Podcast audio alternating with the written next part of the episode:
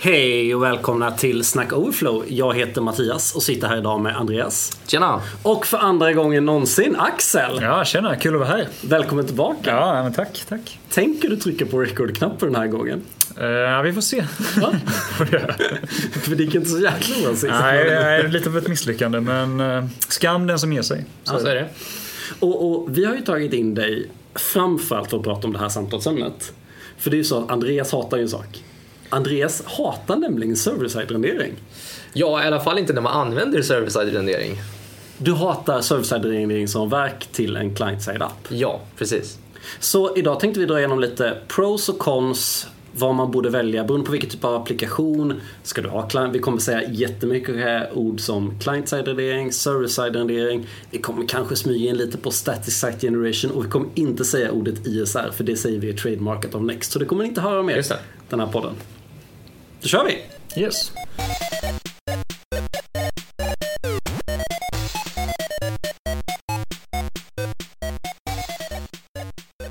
Ha, vad har vi på, på server-side rendering? Bestämde vi att jag skulle köra ett superkort intro? Ja, det gjorde vi. Så i tidernas begynnelse så fanns inte JavaScript. Då det liksom, webben var HTML. Och sen så blev webben lite bättre för man ville kunna kombinera det med dynamisk data. Så då använde man någonting, troligtvis POP. Ja. Eller ASP... Vad hette det? .NET. ASP. Nej men det var innan .NET till och med. Klassisk ASP. Skitsamma. Mm. Man, man hade en, då istället för att skriva ren HTML så skrev man i någon typ av template-språk som man skrev HTML men med specialgrejer för att binda ihop en data med mm. HTML. Klassisk server-side-rendering. Klickade du på en knapp gick du fortfarande alltid via servern och fick tillbaka en helt ny HTML-sida. Även om det var öppna modalen så gick du via servern och fick upp en helt ny HTML-sida med modal ovanpå. Gud vad dålig kundupplevelse men det känns som att det var ganska lätt att skriva en sån app idag med Aha. moderna verktyg om man hade haft de kraven. Skitsamma. Sen kom det, och vi, har lite, vi är lite oense om vilken av de här två som kom efter det. För vi pratar delvis om liksom client-side-renderingen, vi pratar om SPAS, vi pratar om kom Amber eller Knockout och vi glömmer säkert någon, eller AngularJS först. Och som referens då för våra yngre lyssnare, vart i tiden är vi någonstans? Är vi... Ja men för mig är det här typ 8-9 år sedan. Ja. Det var liksom början av min karriär. Ja. Mm. ja men jag håller med. Det är någonstans runt Ja. Och ungefär samtidigt stötte jag på ordet att man fortfarande server-side renderade men med progressive enhancement. Man körde jQuery för att så här, det var en statisk sida. Men hade du JavaScript så kunde man förbättra det. Klickade du på modalknappen så kunde JavaScript öppna modalen istället. Ja. Du service-renderade modalen men du sa att den skulle vara osynlig. Och sen med client-rendering så slog du på den. Så här, har vi någon tanke om vilken av de där två som kom först? Eller kom, liksom kom tankesätten ungefär samtidigt? Det var liksom JavaScript möjliggjorde det. Alltså, jag tänker att JavaScript möjliggjorde det så det borde ju vara ett liksom, progressive enhancement även om man kan inte kalla det för det. Mm. Jag vet faktiskt inte. Jag försökte ja. tänka på den tiden Ja. Men, uh... Nej men så här, alltså server-side med progressive enhancement. Det körde jag för fem år sedan när jag var på myndighet och skrev en sida som skulle funka helt utan JavaScript-påslaget till exempel. Just det, just det. Så egentligen det man gjorde då var liksom, hade du någon liksom collapsible eller något sånt där, då renderade du den som utfälld och sen när JavaScript gick på så, så stängde du ihop den. Vilket gjorde att UX fick ett roligt jobb att tänka på. Okej, okay, vi försöker lägga alla collapsibles under the fold som man säger. Alltså det som inte syns ut innan du börjar scrolla. Mm. För troligtvis har JavaScript lattats in innan du börjar scrolla. Ja. Det antog man liksom. Det, det ballaste är, måste jag ett sidospår här då redan nu. Uh, när vi skulle bygga upp en graf utan JavaScript. Så jag har alltså då server-side renderat med handlebars en SVG. Baserat på data från backend. Och liksom så här, okej, okay, i, i Java-kod skrivet okej okay, men det kommer vara 10 bars efter varandra. Men vi har lite spacing så de ska vara 9% breda var. Och så ska paddingen vara 0,1%. Ja, ja, det var kul. En responsiv graf blir det automatiskt då. Ja, ja. Mm. Mm. det är nice. Good old days. Innan vi går in på nästa och sista steget som är så här, dagens moderna tekniker. Vad tycker ni, liksom client-side med SPAS och server-side rendering med progressive enhancement. Har de fortfarande någon plats eller är de helt utspelade?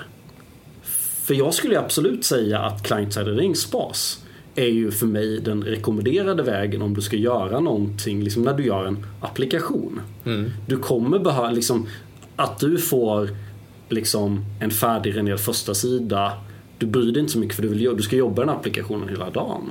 Då spelar, ja men Slack server renderar inte liksom du startar Slack varje morgon.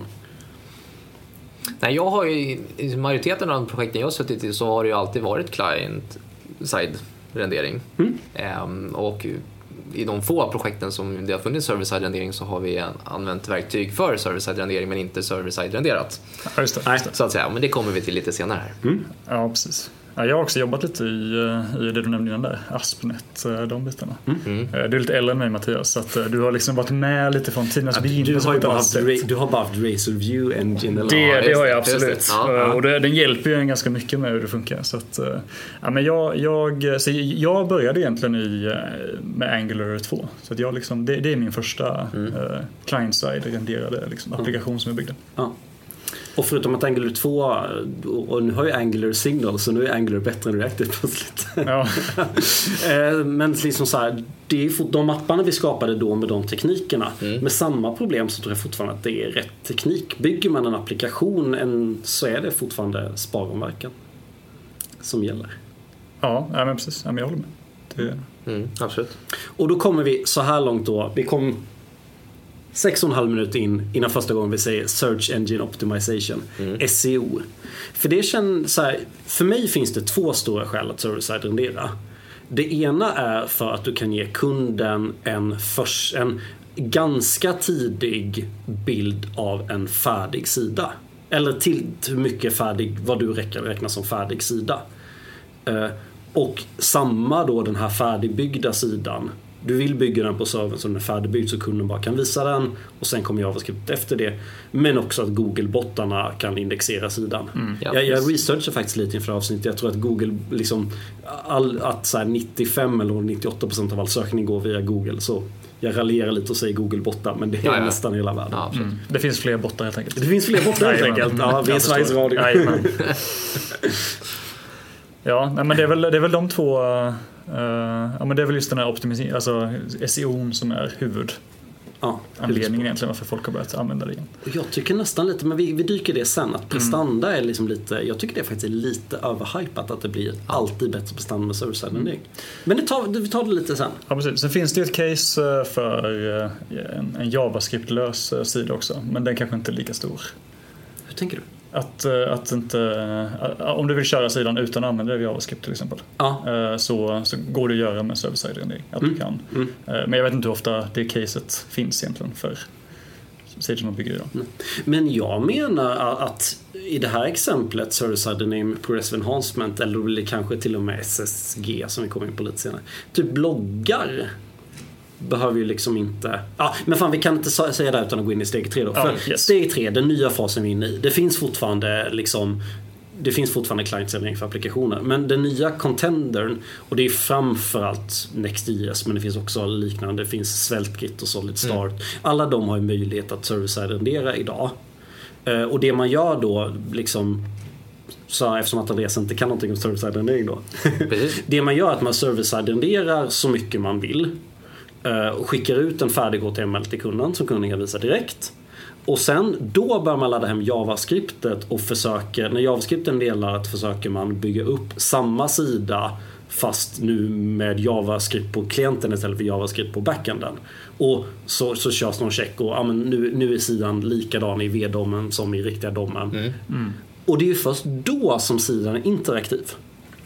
Och det är ju coola verktyg. Det är ju ett jättebra sätt att server-side rendera framförallt om du vill börja SEO. Vi var inne på e-shopper. Precis. Ja, precis. Jo, men lite som du säger att eh, en, en e-shop är väl ett perfekt exempel på när man behöver göra detta. Ehm, I alla fall, eh, speciellt när vi liksom vill få du vill få så att kunderna ser sidan ganska snabbt eh, och de här bitarna. Så att det är väl ett bra exempel.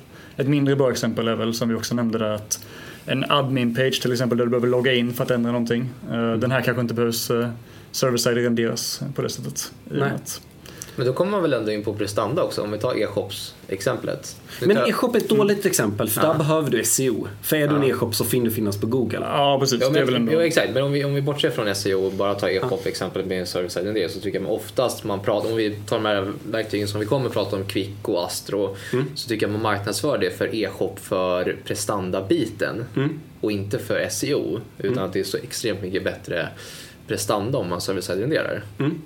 Vad, vad skulle ni anse om den åsikten?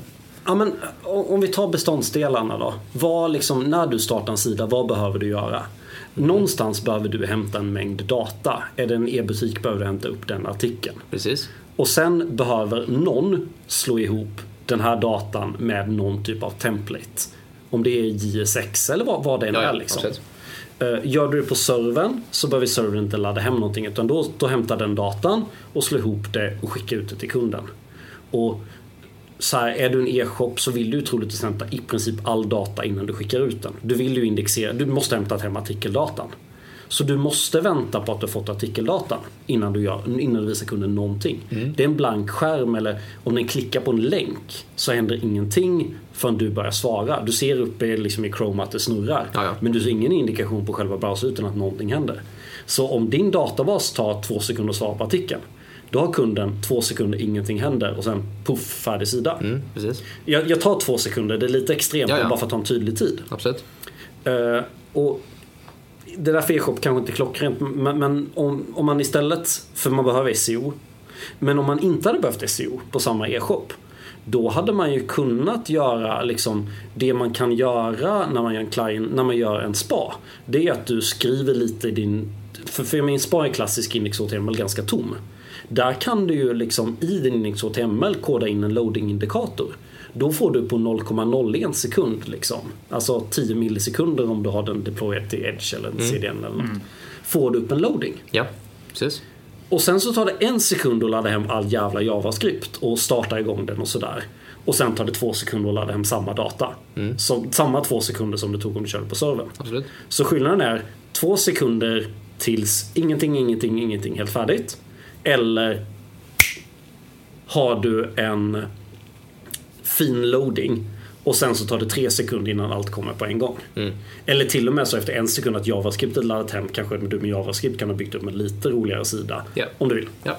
Och så kan man ju alltid laborera där för vi säger ju två sekunder. Men du kan inte riktigt behöva all data så du kan ju klippa ner de här två sekunderna. Server-side rendera. Och det är ju där, det är nu Next börjar skina. För på gamla tiden då var det två sekunder och sen var det klart. Det Next gör som är coolt det är ju att säga att du kanske bara behöver eh, en delmängd av datan. För det är bara en delmängd av datan som syns på övre sidan av skärmen. Ja. Eh, tillräckligt data för att kunna visa en shop-knapp helt enkelt. Då kan du ladda hem från databasen, inte två sekunder utan bara de 10% viktigaste datan. 0,2 sekunder. Då kan du efter 0,2 sekunder ge en färdig bild.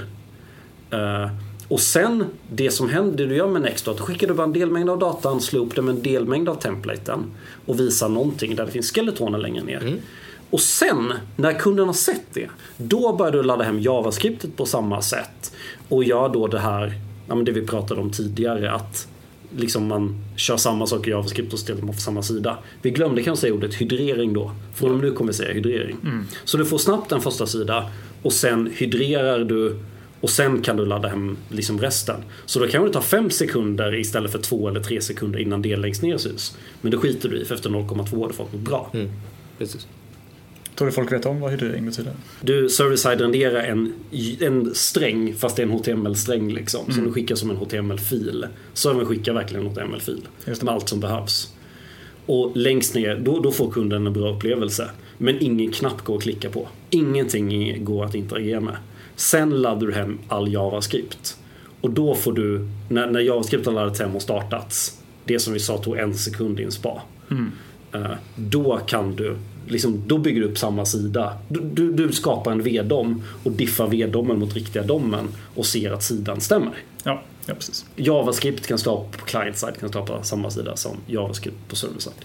Och då har du hydrerat sidan. Då går det bara att klicka och då kan du bara ladda ner bonusdatan. Yes. Så för dumma Arne som sitter här i hörnet då, skulle man kunna säga att hydrering då är för att göra ett element interaktivt? Ja, Alltså, ja, ja så här. Eh, det är inte bara hydrering som är det. För hydreringen gör ju hela sidan.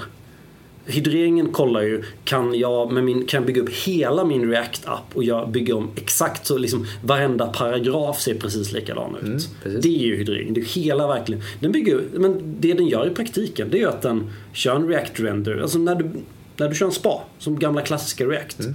Då bygger React-dummen upp en VDOM. Och sen så skickar den det, liksom skapar en HTML-element av det här.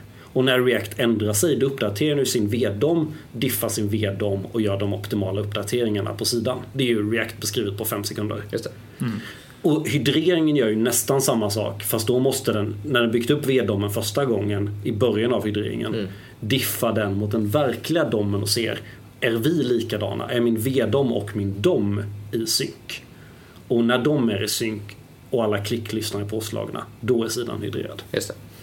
Och det är det som, en förlängning på det, det är det som verktyg som Quick och Astro görs, eller möjliggör med, vad ska man säga, pars, partitionell hydrering va? Precis. Ja. De, de hydrerar inte hela sidan utan de säger det är bara den här ytan du behöver liksom Precis. se till är interaktiv. Just det. Och jag tror till och med att Quick inte alls, de, de vill ju inte säga att de hydrerar utan de kör, de är inte partial hydration heller. De har något som heter resumability. Och om jag har förstått det rätt så är det i praktiken att varenda liksom, interaktiv ö laddar du hem när du börjar interagera med den. Klickar du på en knapp då laddar du hem JavaScriptet som innehåller så du har registrerat knapplyssnaren i HTML, liksom en on-click på buttonen. Ja. Riktigt en on-click. Ja. Och men den on-clicken laddar hem en JavaScript-blob. Som är en sån här immediately invoked Mm. function. Ja, en iffy. Mm. Iffy, ja. iffy. Men det är hydrering egentligen. Ja. Och det här är ju jättecoolt och alla som lyssnar nu tycker så här, gud vad häftigt det här låter, jag ska börja köra Next på en gång. Och, och är det så?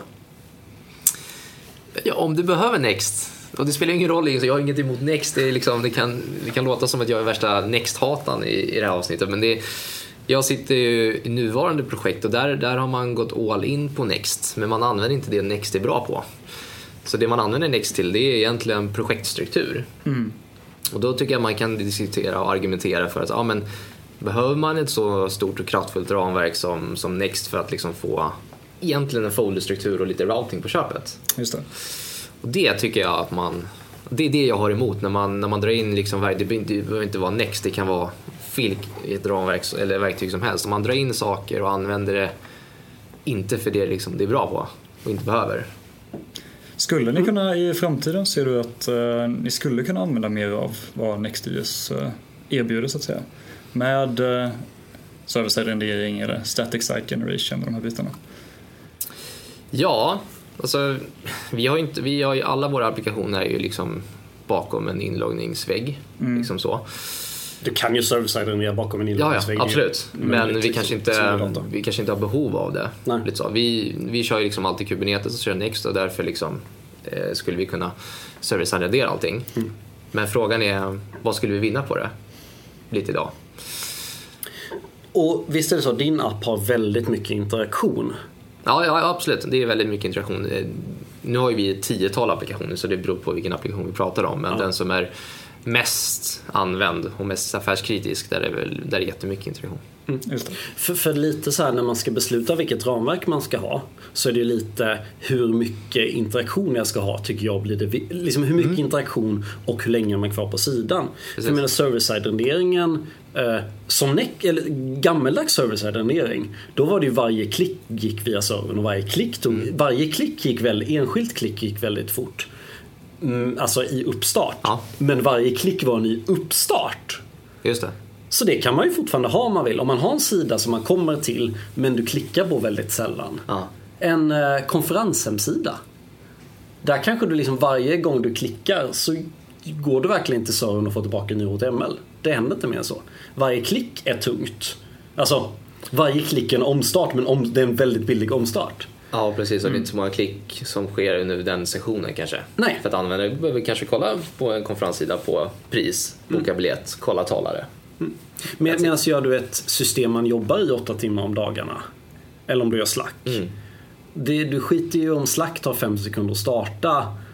Men du skulle bli skitförbannad om du skulle ta två sekunder varje gång du ville skicka ett meddelande. Oh ja, absolut. Eller att den bara refreshar var 30 sekund för det tar två sekunder att kolla om du har fått nya meddelanden. Ja, ja. Så det beror ju på, liksom, jag påstår jätteförenklat att om du bara ska kolla på en parameter, ja, förutom SEO, för SEO är, om det är SEO så är det någon typ av serviceadressering. Precis. Och sen så kollar du på skalan hur mycket interaktion har du. Ja. Och någonting som jag, så här, då, då kan jag ansluta till, till att jag inte är helt säker på att Next är allt. Är, så här, kanske att Next aldrig är rätt verktyg, men det är aldrig heller fel verktyg. Ja, just det. Lite så tillbaka till det vi pratade om Ja, React precis. då. Eh, om jag skulle bygga en e-commerce-sajt idag, då skulle jag ju garanterat pocka, ja men troligtvis både Quick och Astro och om det tar ett litet tag kommer det säkert finnas tre andra bra alternativ. Oh ja. Svältkit kanske. Fast även om jag tycker att Svältkit och Next och Nux känns lite som samma sak i olika paket. Ja. Eh, För jag tycker de har en dålig sweet spot i interaktionen. För oftast har du antingen väldigt lite interaktion. I en e-shop så kan du klicka på länkar som upplevs som olika sidor, upplevs som olika sidor och det är mycket data som ska hämtas. Då kommer det ta lite tid. Då är det ju nästan en ny sidnavigering, då är det en ny omstart. Du kan trycka på en köpknapp men det är en väldigt liten interaktion. Då skulle jag snarare kolla på de som är optade för partial hydration eller resumability ja, precis. jag tror att full hydration är ett ganska smalt case i verkligheten. Ja, att det är ja. det bästa lösningen. Ja men det är intressant. Och det är också intressant att du säger Andreas att, eh, att ni har valt Next.js då utan att kanske ha supermycket anledning att använda det. Eh, det är inbyggda funktionaliteten. För så är det lite för oss också. absolut. Eh, vi har också byggt en, eh, hur ska man säga, en profilsida. Så man måste först logga in för att kunna ändra sin profil på olika sätt i Next.js. Ja. Och samma sak där så behöver ju inte den här, den ligger ju bakom inloggningssidan så SEO behövs ju inte på samma sätt. Så att där har man nog valt kanske det coolaste ramverket som Exakt. anledning till att man valde det. Och vi håller på att bygga om den här sidan nu och då har vi ju övervägt, ska vi fortsätta med Next.js? Ska vi göra, undersöka om vi ska använda något annat? Så vi har valt att bygga den i Vue istället. Hålla det enkelt för att vi har inte känt att vi har haft det behovet. Så att vi har liksom gått lite ifrån Next.js-ramverket till att bara köra en vanlig spa igen. Vilket också är... Men serviceadrenderade ni tidigare? Ehm, Eller var det ett bra sätt att ska- skapa React-kod på bara? Det var egentligen ett bra sätt att skapa React-kod på. Vi Ja, ja, använder precis. inte uh, server-side renderingsfunktionen om man säger så, så mycket utan det blir ju egentligen en Next.js som använder client-side rendering uh, mestadels.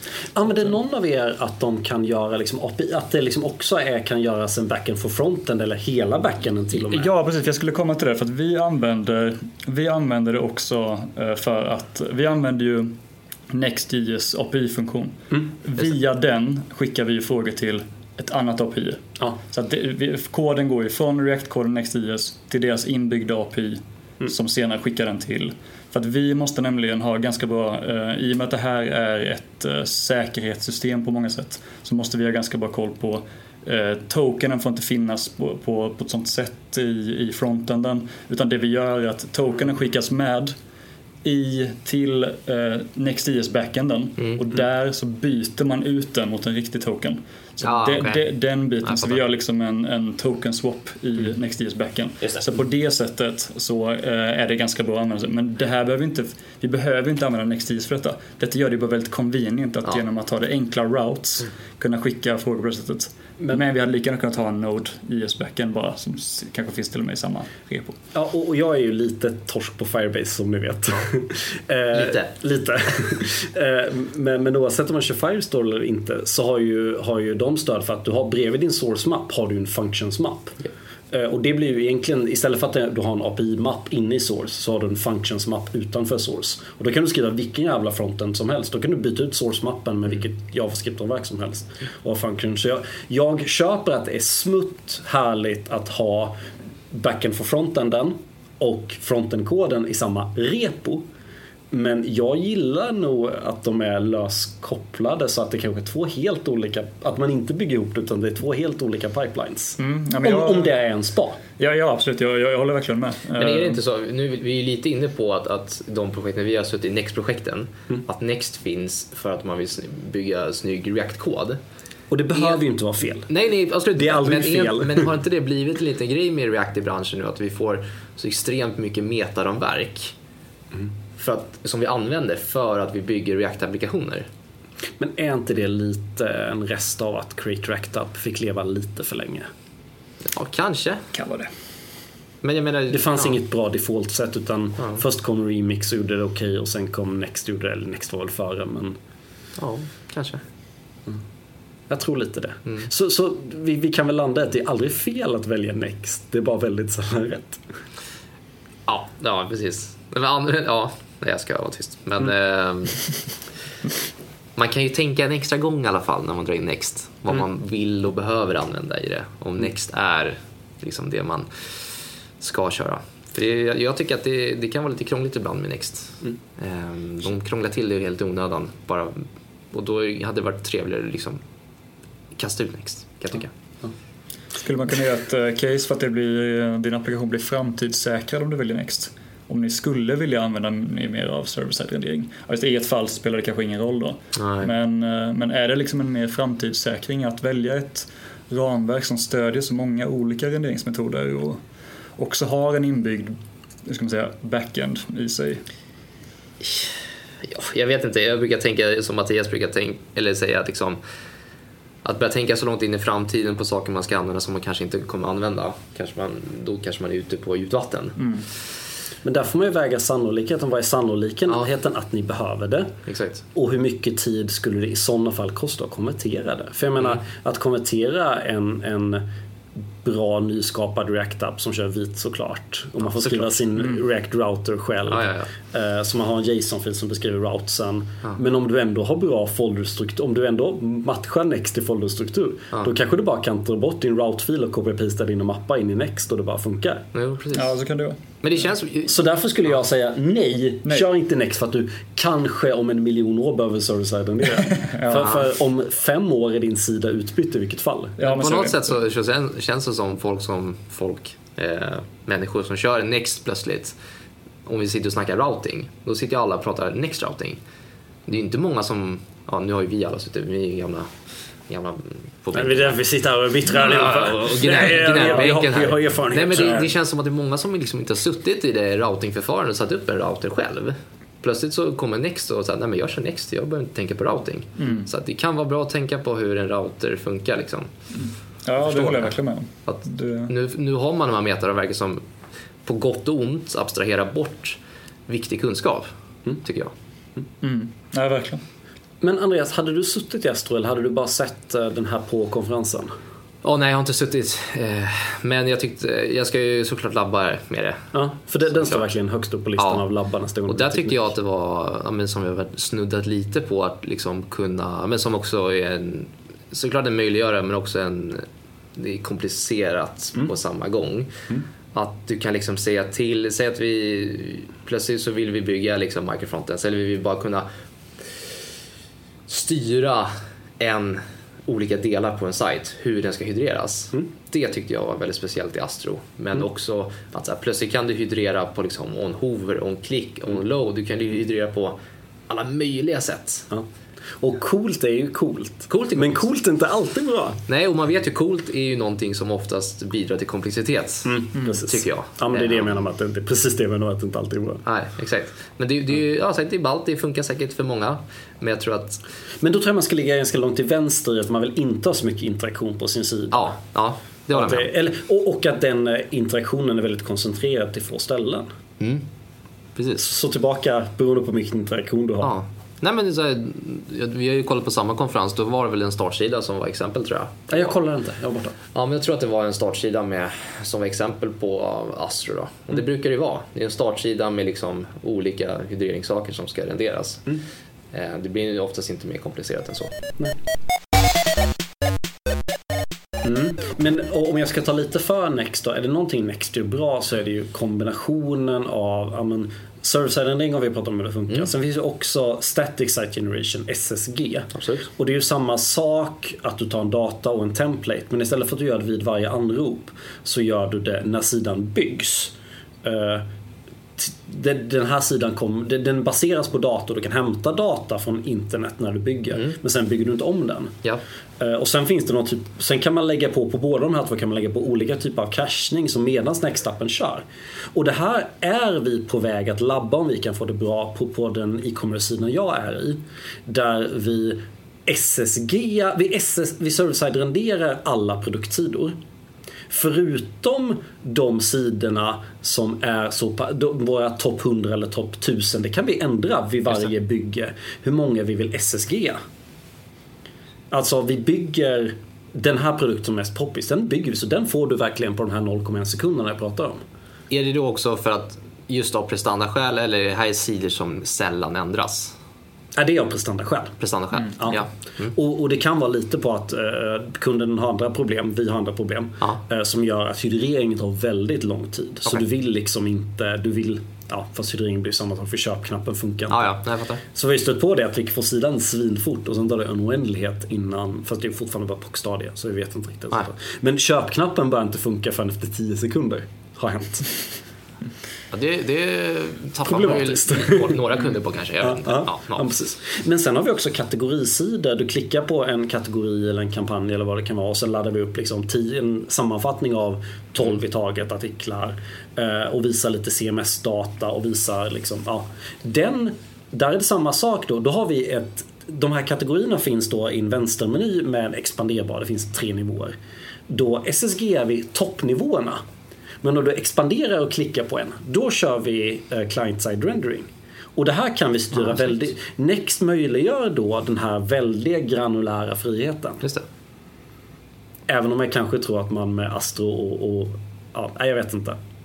Så, så liksom så här, där har vi väldigt lite interaktion men vi har olika sidor som vi vill bygga på lite olika sätt. Sen finns det inloggade sidor som måste client-side renderas. Ja, ja, absolut. Där har vi till och med eh, att vår backend får inte prata med en del av sidans backend. Vi har ett externt backend ett väldigt, med väldigt känslig data. Ja, Okej. Den, får, den datan får inte gå via våra servrar. Den måste gå client till externa APIt. Så den får vi liksom, den, Ja, den- den, den rutan kan vi inte server-siden. Ah, Okej, nu får det Nej, inte snudda precis. så liksom. Ah, okej. Men då använder ni ju, tillbaka igen, då använder ni Next till det som Next är bra på. Ja, Och då är det, då är, då är det bara att köra. och nu håller vi på så här. Man kan lägga upp en, jag tror det är en webbsocket man kan lägga upp i Next. Så Ja. när CMS uppdateras så kan man pinga till Next så Next förstår exakt vilka sidor den nu behöver SSG om. Ja, ah, lustigt. Kul.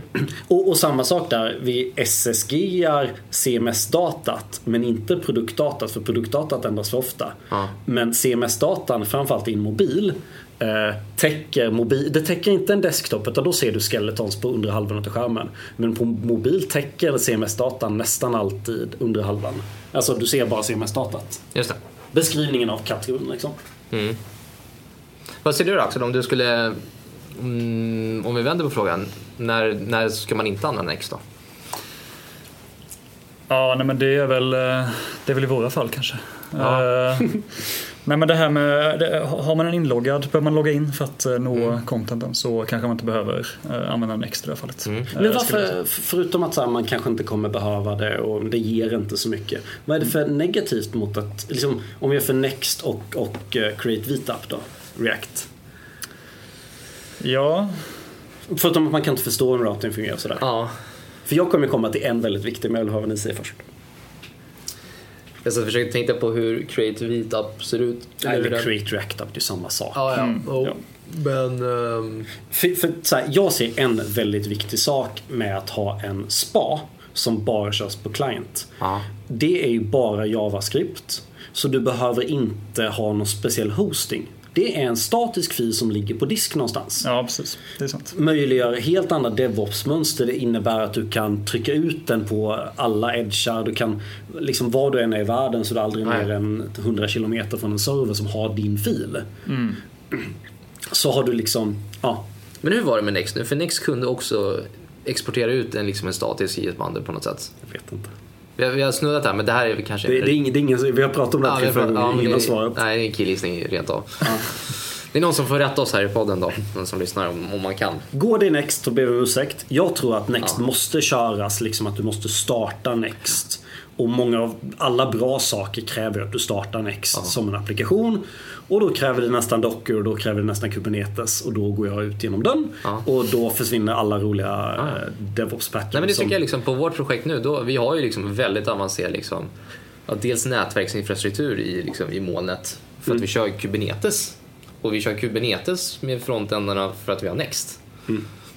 Och jag tror att den tiden som kanske man har lite snabbare, om man, bara, om man inte kör NextVCO utan bara för snabbhet. Ja. Då tror jag kostnaden för att lägga in Kubernetes, om man istället hade lagt de pengarna på att optimera sin fronten-applikation så har du fått ut mer prestanda. Ja, vad brukar- Alltså bara kostnaden av Next, om man hade lagt dem. Ja, ja. Ja. ja. vad, brukar man skoja om en Kubernetes-implementation? Tusen timmar, brukar man inte säga något om det? Ja, osäkert. Jag, jag vet inte, jag är väl inte ner i hålet. Ja. Vi, vi, har samma, vi har samma scenario så att vi har också vi har ett stort Kubernetes Ja. eh, så det känns ju också ganska naturligt så att säga Mm. att uh, ha NextJS applikationer. Men det behövs ju inte kanske inte i vårt fall. Nej. Så att, Vi har ett litet Kubernetes-kluster så vi kan bara deploya två feature-branscher i taget. Mm. Så har någon deployat två feature-branscher de senaste 24 timmarna så får du vänta till imorgon. Vad är det ett litet kluster i så fall? ja, nej. Mysigt. I testmiljöer. Ah, okej. Ja, nej. Vad säger vi då? Det finns olika sätt att rendera webb på. Olika är bra till olika saker. Ja, gå all in på Astro. Next är sällan, jag ändrar från aldrig till sällan rätt. För i mitt fall låter det nästan lite när jag beskriver det som att det är ganska rätt ändå. Sällan rätt, aldrig fel. Aldrig fel. Ja. För Next kan göra allt. Det är Ja, en ja. schweizisk armékniv. Ja, jag håller med. Alltså, Next är bra. Men använd det som Next är bra till. Mm. Lite så. Nej, för jag tycker att ska du köra Next, om du ska ta det, om du ska ha ditt Kubernetes-kluster, då skulle jag nästan säga att det är obligatoriskt att använda det som en backend för fronten också. Eller till och med hela vägen ner till den riktiga backenden. När jag satt och labbade Mm. i, i jul, och så här, eh, jag satt med SvältKit i julas. Och jag var inte så här, jag tycker om svält, jag var inte superimponerad av SvältKit. Men det var faktiskt första gången jag på riktigt hade arbetssättet SvältKits liksom serverfil, alltså ja, hur, det är den koden som bara körs på servern. Att den gick hela vägen till databasen. Det arbetsflödet var jäkligt bra. Mm. Och då kanske det var värt att liksom deploya det någonstans. Nu deployade jag ju bara det till Vercel såklart. Mm. För Vercel tar ju våra pengar istället. Ja, ja, såklart. Det gör de. Så om ni har valt Next, så borde, eller om ni är på väg att välja Next borde ni pocka. Har ni, har ni lite interaktion så kan ni pocka Astro eller Quick. Har ni mycket interaktion ska ni fundera på om ni verkligen är Next ni behöver. Ja, så kan man uttrycka det, ja. Bra! Då är det dags för det viktigaste med hela veckan. Det är dags för veckans tips! Och Andreas börjar. Oj då. För du hade ju ett. Ja, jag hade ju, och det är ju kopplat till ämnet att använd inte Next om ni inte behöver Next. Men eh, det har vi ju redan fastslått i den här podden. Men eh, det blir mitt tips i veckan. Nice. Eh, ja, men då har jag tipset av att eh, det kanske inte alltid är värt att köra det coolaste och senaste. Kanske ska ta ett extra. Jag har samma tips som dig Mm. helt enkelt. Är inte det ett tecken på att vi blir äldre plötsligt? Jo, men så är det. Så är det. Nu, nu sitter vi och gnäller på den ballaste tekniken. Om vi kollar fem år sedan, då var ju vi på den andra sidan av, av bordet här. Och, Just det. men det kommer kanske med senioriteten, men det är kanske lite tråkigt också. Kanske lite tråkigt. Ja. Ja, det är sant. Men det är därför jag gillar att vi inte landar alltså, så här, aldrig rätt. Alltså, Ja. vi, vi är ju lite fega men jag tycker det är ganska vettig rekommendationer. Då. Next nytt och hett. Men Nej, såklart, såklart. Men vi lever mindre. Mm. Har du något annat tips Mattias? Än, än det som vi hade? Ja. Men jag vet inte, jag, jag har tipsat om det tusen gånger. Men var, alltså, så det kommer igen. För det är varje gång jag kodar ett hobbyprojekt. Nu håller jag på med, med appen Mm. som vi pratade om för ett avsnitt sedan. Ja. Varje gång jag sätter igång Next, eller nej inte Next, sätter igång, eh, och jag tror det framförallt är Firebase-infrastrukturen. Alltså det, det är, när du ska bara pocka någonting. Hur lätt det är att komma igång med, nu råkar jag köra View men jag tror alla är precis lika bra. Men hur, hur, hur snabbt det går att pocka fram saker med Firebase. En liten databas som bara funkar. Uh, authenticationen bara funkar. Liksom. Jag, jag, jag slår på featuren Google-inlogg på 20 minuter. Från att inte ha någon inloggning alls. Och sen så, slog, sen så la jag på en databas istället för att spara i local storage så la jag på en databas på 30 minuter. nu läser visserligen alla samma databas. Så nu är det tredje steget efter de 30 minuterna att det tar mig ungefär en timme att se till att man bara läser dokumenten jag äger. Men jävligt trevlig plattform att bocka sig fram i. Sen tror jag inte att den är produktionsredo för stora applikationer. Ganska generöst free tier. Ja, man har inte hört någon, så här, inga av våra stora kunder använder ju Firebase storskaligt. Nej. Så det hade varit intressant att se hur det funkar sig storskaligt. Och jag tror lite det är alltså en... Alltså jag, jag vet inte hur dyrt det blir. Men jag tänker, det, det, det som gör att jag inte har dåligt samvete när jag kodar Firebase Det är att den har så rena API-er Det är liksom Det hade varit jättelätt för mig att byta för att få en Firebase till, till Planet Scale. Jag har ju en Planet Scale-databas uppe och rullar. Om jag vill köra Prisma mot den istället Det är en fil jag behöver find replacea i absolut. princip. Och så gillar jag ju deras patterns med att de har security rules. Alltså det Firebase säkerhetsgrej är att eh, alla liksom så här, du skriver i ett JavaScript-liknande språk eller någonstans mitt emellan JSON och JavaScript. Ja. skriver du, har den här personen rättighet att läsa det dokumentet? Så det var jättelätt för mig nu när jag har skapat upp en tabell av listor att säga att om eh, den här, om du vill hämta upp någonting och property ownern är lika med den här användarens an- mail, då får du läsa upp den. Att de tar en schysst approach på backendless säkerhet. Mm, jag håller med. Det är lite svårt att sätta sig in i, men sen när man förstår det så är det lätt, tycker jag. Det, det tog mig två timmar YouTube att förstå ordentligt. Och nu förstår jag det riktigt ordentligt. Så nu gör jag avancerade saker som eller att det finns i den här collectionen. Och sådär. Ja, precis. Jag har ett annat tips. Ja. Ett lite roligare tips. Eh, om man vill- Ska du inte spara det till nästa gång då? Vi, ska ju, vi ska ju nästa avsnitt som vi ska spela in bli ju om AI-verktyg bara för att ge lite lyssnarna lite Teaser. en liten teaser. Men för att jag skriver mycket enhetstester i mitt projekt. Och ibland så, jag tycker att man är väldigt duktig på att skriva enhetstester och så försöker man testa alla case. Men ibland kan man ju få lite idétorka. Liksom så här, hur har jag testat alla case? Kan, finns det andra case som, som, eh, som finns som inträffar som jag inte har testat? Och då finns det ett, ett plugin som heter Codium AI som kan generera upp enhetstester åt dig. Så det brukar jag använda när jag har skrivit klart de testerna som jag ser. Bara för att få liksom så här, ja men hur tolkar den vad det finns för case som jag bör testa? Hur är det med att ladda upp data i molnet och kunna bli ledsen på det och sådär? Det vet jag inte. Nej. Det, det låter jag vara F- osagt. Frågar du din kund? Jag låter det vara osagt också. Ja, vad bra. Toppen, men då kan vi det här. Vi har ju dragit lite på server-side men, men det kändes ändå som att vi kom någonstans. Oh ja. Och så ber jag om ursäkt om det är någon som lyssnar som heter Arne. Det är inte mer att du ska vara dum, men jag brukar ta dumma Arne-hatten på mig då. Härligt! Toppen, då kan vi det. toppen. Tack så jättemycket för att ni lyssnade. Ha en fortsatt trevlig tisdag. Och sen hörs vi framöver. Ha det bra! Ja, Tack. Hej! Hej!